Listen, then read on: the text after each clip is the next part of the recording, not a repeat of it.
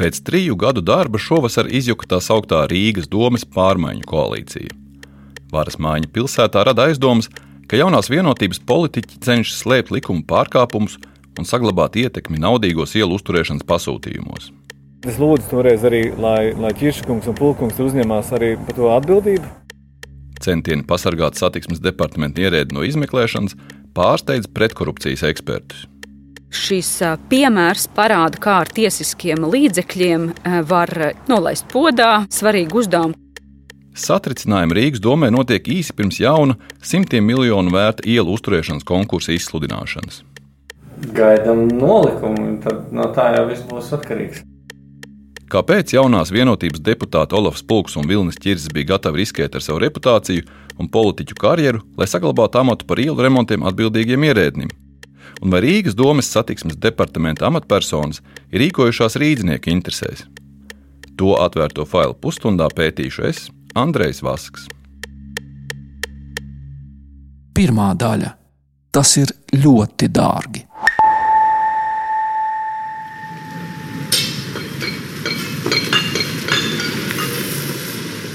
Ir augusta beigas, un Rīgas ielas ir piedzīvojušas spēcīgas lietus gāzes.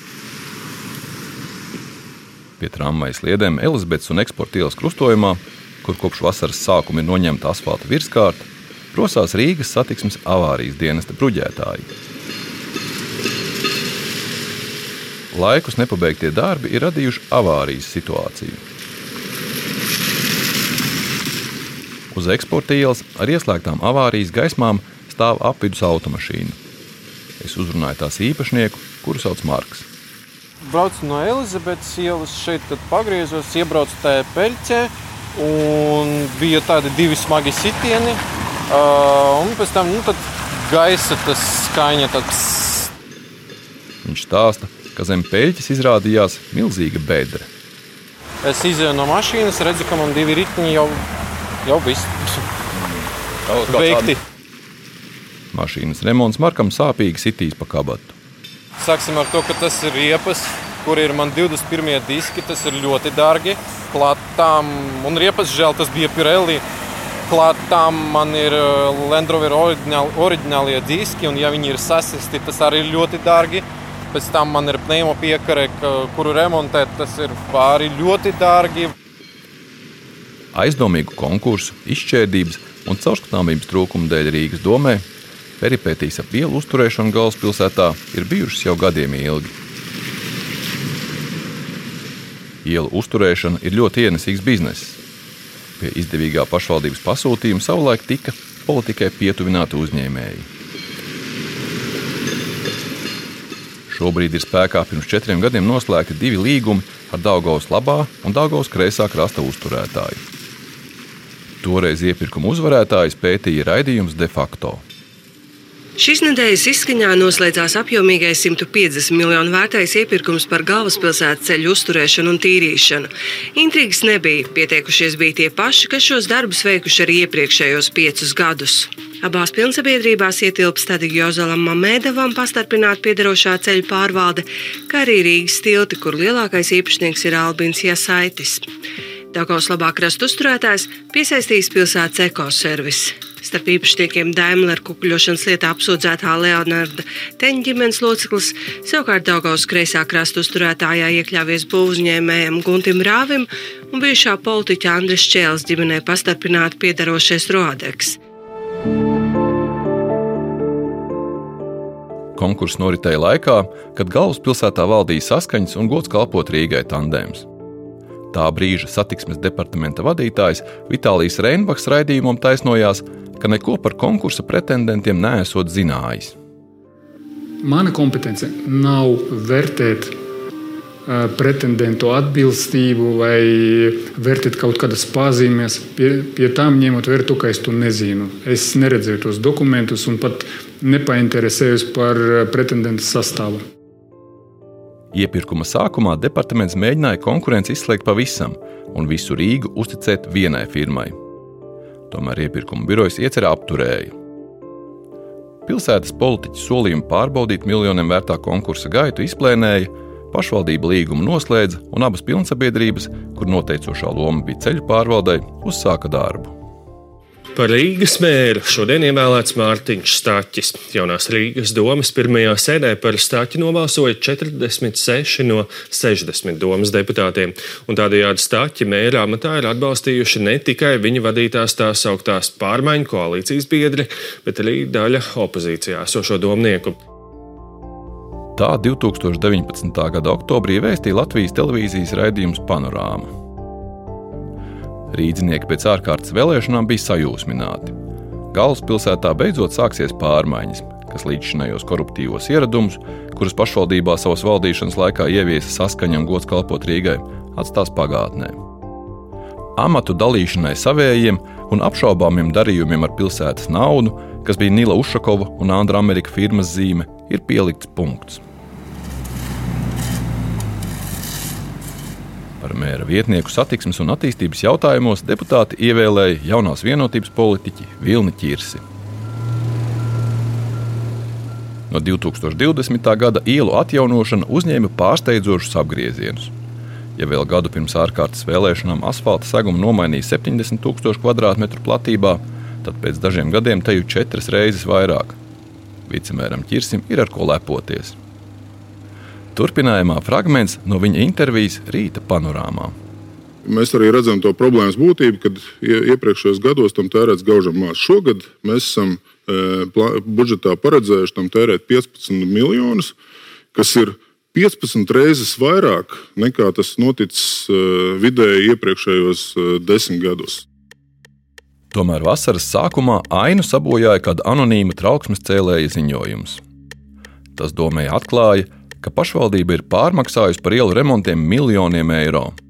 Tā vietā, lai plānveidīgi atjaunotu ielu segumu, ir izmantots lieliem asfaltēšanas darbiem neizdevīgs līgums ar ielu uzturēšanas uzņēmumiem. Otrā daļa. Šis līgums tika apzināti slēpts.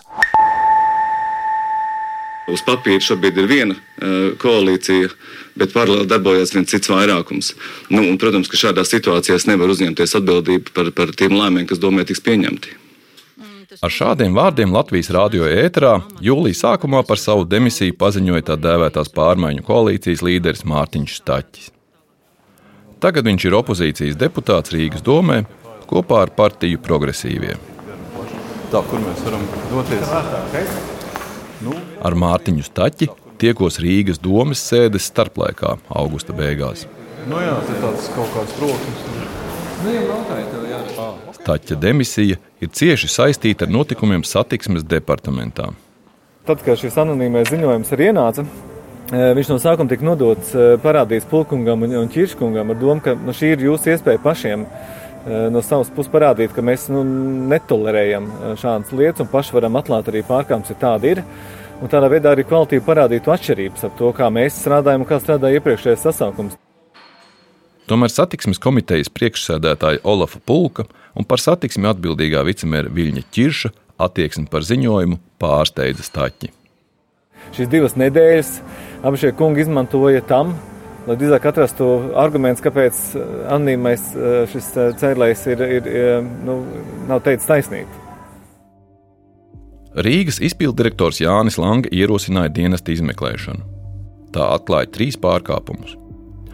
Darbus asfalta nomaiņai uz tiltiem sadalīja daļās, lai būvnieki saņemtu lielāku samaksu. Neviens nav arī kontrolējis, cik daudz asfalta izlietoja izlīdzinošajā kārtā, kuru ieklāja zem virskārtas. Un visbeidzot, lielus asfaltēšanas darbus par dārgu naudu pasūtīja ceļu uzturētājiem, nevis lētāk pie ceļu būvniekiem, ar kuriem noslēgta vispārīgā vienošanās. Turpina Mārtiņš Staķis. Visticamāk, šis līgums tika uztaisīts ar domu, ka nekad viņu arī īsti nelikt lietā jā, jā, un vienmēr slēp. Un, principā, par šo līgumu mēs kā koalīcija uzzinājām tikai e, šī gada maijā, kad mēs e, Vilniem Čirsim, Nolfam Pukam jautājām, kā ceļu pārvaldīt uz bankrotu. Kāds ir tavs plāns B? Viņš teica, nu, vēl jau arī ir vispārīgā vienošanās. Pagaidi, kas ir vispārīgā vienošanās? Viņš visu laiku teica, ka tādas vispārīgās vienošanās nav. Pēc dienesta izmeklēšanas pilsētas izpilddirektors Jānis Lange ierosināja disciplināru lietu pret diviem ierēģiem. satiksmes departamenta direktora pienākumu izpildītāju Jāni Vaivodu un satiksmes infrastruktūras pārvaldes priekšnieku Andreju Urtānu atstādināja no amatiem. Lietas izmeklēšanu Langi uzticēja savam padomniekam Mārim Knokam. Tomēr Knoks pārbaudu līdz galam nenoveda, jo izmeklēšanā iejaucās politiķi.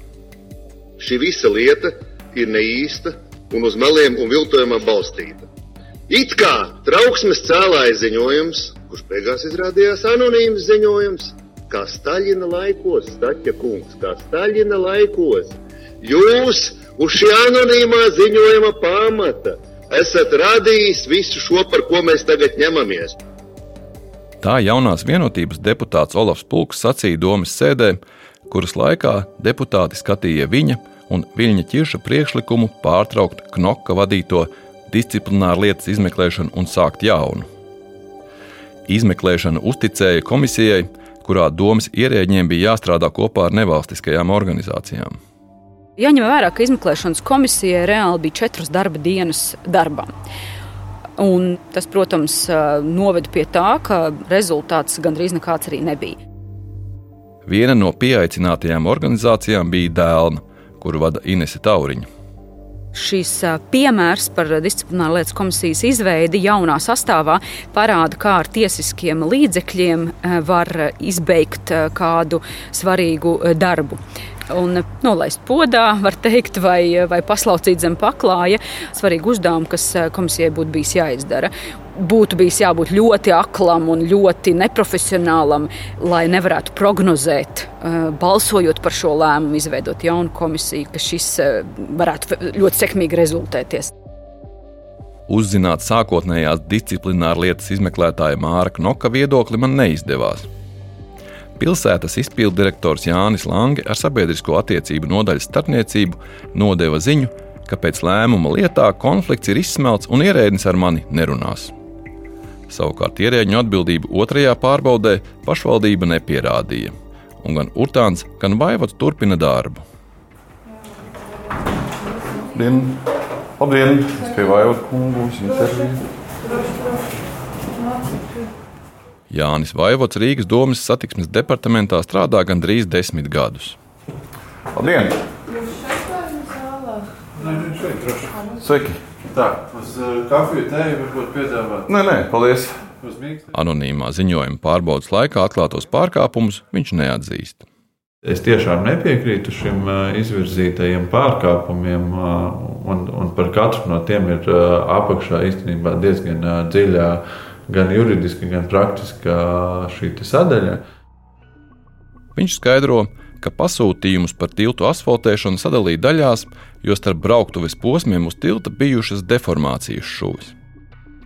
Savukārt, kad klājuši izlīdzinošo kārtu, tad gan firmas, gan ielu uzturētāji rīkojušies atbilstoši līgumam. Viņi esot uzskaitījuši asfalta kravas un pēc visu darbu pabeigšanas izlietoto daudzumu norādījuši pieņemšanas un nodošanas aktos. Kaut arī asfaltēšanas darbu firmām bija jāfilmē, departamenta rīcībā nav neviena video ieraksta. Jautājums ir par datu apjomu. Uh, objektu skaits bija 200 pāri, un katrs šis objekts ir uh, sākot no 30 līdz pat uh, vairākiem simtiem gigabaita. Šīs filmiņas, jo katrai mašīnai ir šī atsevišķā filmēšana. Kā noskaidroja dienesta izmeklēšana, faktiski departamenta rīcībā nav nekādu dokumentu, kuros varētu pārliecināties, cik daudz asfalta izlietots izlīdzinošajā kārtā. Nav arī tā saucamo sekto darbu aktu, kurus pieprasa būvniecības noteikumi. Vaivats uzstāja, ka tādus nemaz nevajag, jo departamenta darbinieki te jau visu laiku bijuši klāt. Viņa prāt ir jāpaļaujas uz komersanta sniegtajām ziņām par izlietotajām asfalta krāvām. Arī pārmetumi, ka simtiem metru gari ielu posmi asfaltēti par dārgāku naudu uzturēšanas līguma ietvaros, nesot pamatoti. Ja uzturēšanas līgumā ir paredzēta šāda pozīcija, kas ir vienlaikus darba ieklāšana, tad eh, šis otrais līgums ir būvdarbi pēc savas uzbūves, un neatņemamā līguma sastāvdaļa ir būvprojekts. Respektīvi, es nevaru veikt uzturēšanas darbus no būvdarbu līguma pasakot būvniecējiem, ka nu, šeit nebūs nepieciešams būvprojekts. Gluži pretēji, ja es to būtu darījis, tad tajā brīdī es būtu pārkāpis uh, kaut kādus nosacījumus, jo nu, ierobežojas kaut kādā ziņā šo iespējamo konkurenci. Viņš arī nezinot, kāpēc Olafs Pulks un Vilnis Čirsis metās viņu tik sparīgi aizstāvēt, ka bija gatavi upurēt valdošo koalīciju. Vai viņi nav devuši kaut kādu solījumu jums, kaut kādu, kad ir tik strādā, mēs tevi aizsargāsim, viss tur būs, darām tā, kā vajag? Nē, es, es gribētu domāt, ka eh, nē, eh, drīzāk šeit ir tas stāsts, ka um, es atklāti darbojos. Ja man uzdod jautājumus, es varu arī izstāstīt uh, šīs lietas, kā notiek process. Mēs arī daudz esam varbūt, arī darbojušies un bijuši objektos. Par būvniecības nozari, arī ielām un ceļiem atbild ekonomikas ministrija. Lai pārliecinātos, vai pārkāpumi bija vai nebija, uzrunāju intervijai Būvniecības departamenta direktori Olgu Feldmani. Viņas teiktais ir nepārprotams. Vienlaidus asfaltēšanas darbiem lielās platībās, kā to darīja Domas satiksmes departaments, bija nepieciešama būvniecības ieceres dokumentācija. Tas nozīmē, ka ja, 2022. gadā tika uzturēšanas eh, kārtībā mainīts ielas eh, segums 13,000 kvadrātmetros eh, Ulmaņa gatvē, tad tur vajadzēja visu dokumentāciju. Paskaidrojumu rakstu. Kāpēc tas ir nelik, nu, nelikumīgi pieļaut tādu ceļu būvniecību? Es nekomentēšu. Paskaidrojuma raksts ir mazāk sarežģīts nekā pilns būvprojekts. Pēc satiksmes departaments darbus pasūtīja bez jebkādas ieceres dokumentācijas. Pēc Rīgas domas iniciatīvas valdība jūlijā mainīja noteikumus, un ielas seguma virskārtas atjaunošanas darbiem vairs nevajag paskaidrojumu rakstu. Feldmans stāsta, ka vajadzēja vienādot nosacījumus būvniecībai uz ceļiem pilsētās un ārpus tām. Man arī prasīja vairāki virzot šos noteikumus, vai mēs šādi legalizējam vēsturiskās darbības. Nē, nelegalizējam. Mēs attiecīgi noteikumi ir stājušies spēkā, un no šī brīža šis process ir novienādots un padarīts par optimālu abos gadījumos, gan attiecībā uz valsts ceļiem, gan attiecībā uz ielām. Pēc viņas teiktā, jebkuri darbi ar ielu atjaunošanu ir uzskatāmi par būvdarbiem, un ir jāievēro būvniecības noteikumi, pat ja nav nepieciešams vienkāršots būvprojekts.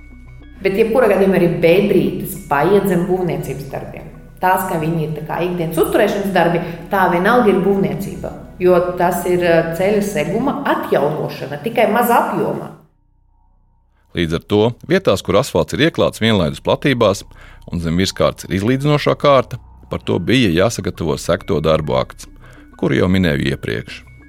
Sektie darbi ir tādi darbi, ko mēs no ārpuses nevaram redzēt. Lai mēs varētu saprast, piemēram, nu, vis, visbiežāk tie ir pamatu darbi, sienas, paneļi, pīrāgi, lai mēs varam redzēt, kas ir iekšā. Visu, ko mēs pēc tam nespējam ieraudzīt un novērtēt, mēs atspoguļojam precīzi sekto darbu aktos. Rīgas satiksmes departaments ceļu uzturētājiem to neprasīja. Tādējādi nav ievēroti noteikumi par darbu kontroli. Es viņai prasu pašu svarīgāko, vai asfalta virskārtas nomaiņu lielās platībās var uzskatīt par uzturēšanas vai būvniecības darbiem.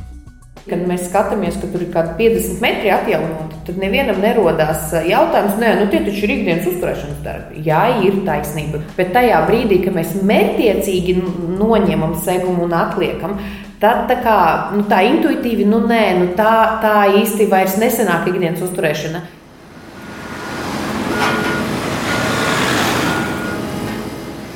Lielisks piemērs neloģiskai, pat nelikumīgai rīcībai ir satiksmes departamenta pasūtītā seguma nomaiņa Kārļa Ulmaņa gatavē.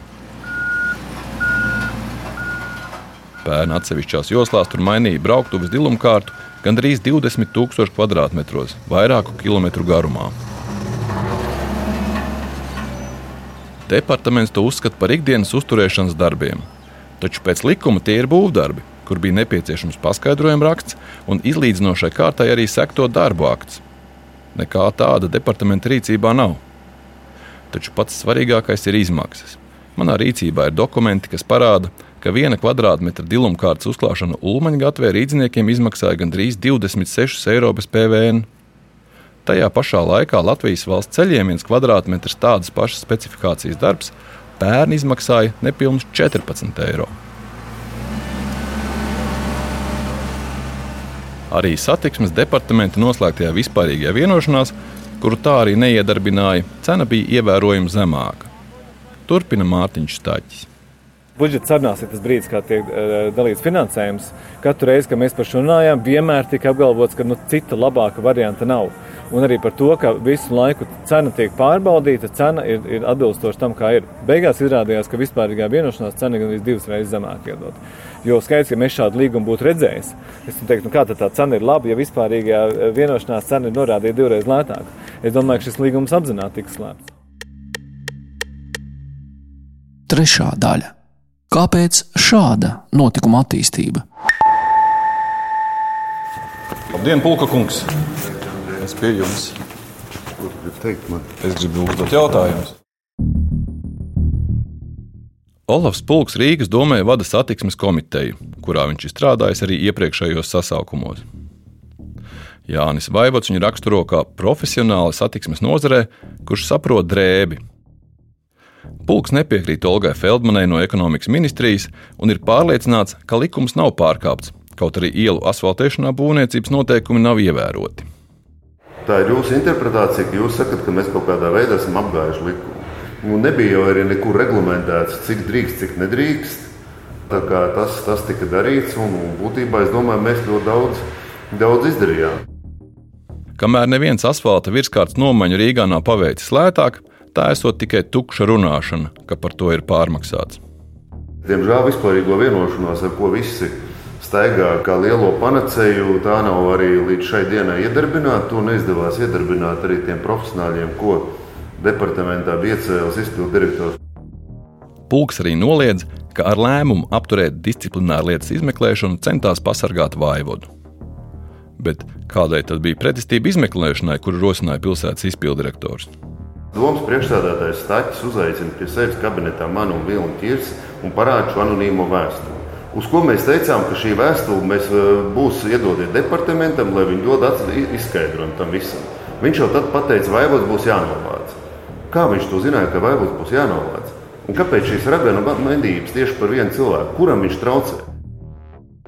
Viņš sola, ka turpmāk pašvaldība ielu asfaltēšanas darbus nepasūtīs caur dārgo uzturēšanas līgumu.